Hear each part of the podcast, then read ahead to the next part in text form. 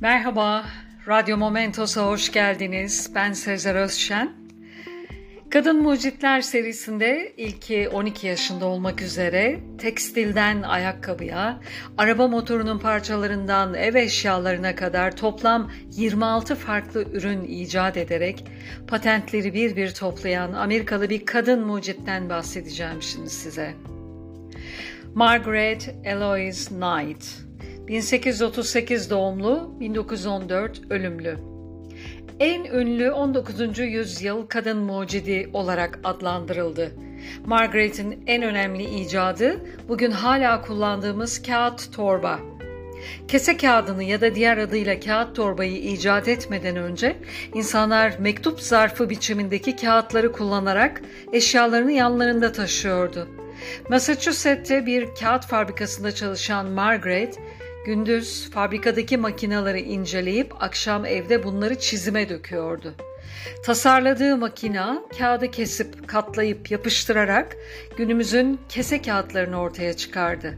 Bu şekilde yapılan torbalar hem devrilmiyor hem de kolay taşınıyordu. Margaret 1871'de makinenin patentini aldı Kağıt sanayini kökünden etkileyen bu icat, New York'taki en önemli mağaza zincirleri tarafından heyecanla karşılandı.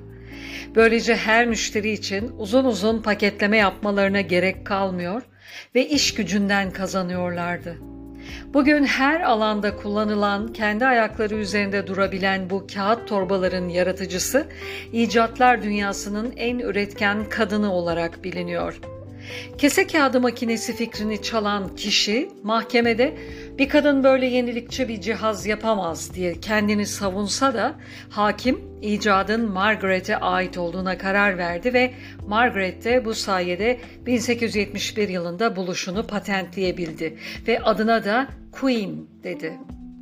Kağıt besleme makinelerinde geliştirme, iyileştirme, taban kesme makinesi, makara, numaralandırma mekanizması, kanatlı pencere çerçevesi, bileşik döner motor, içten yanmalı motor, iç bükey veya silindirik yüzeylerin delinmesi veya plan yalanması için otomatik alet gibi daha pek çok icadı var.''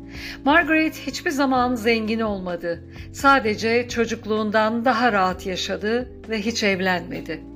12 Ekim 1914'te 76 yaşındayken yalnız öldü. Hayatı birçok kadına ilham verecek zenginlikte. Huzurla uyusun.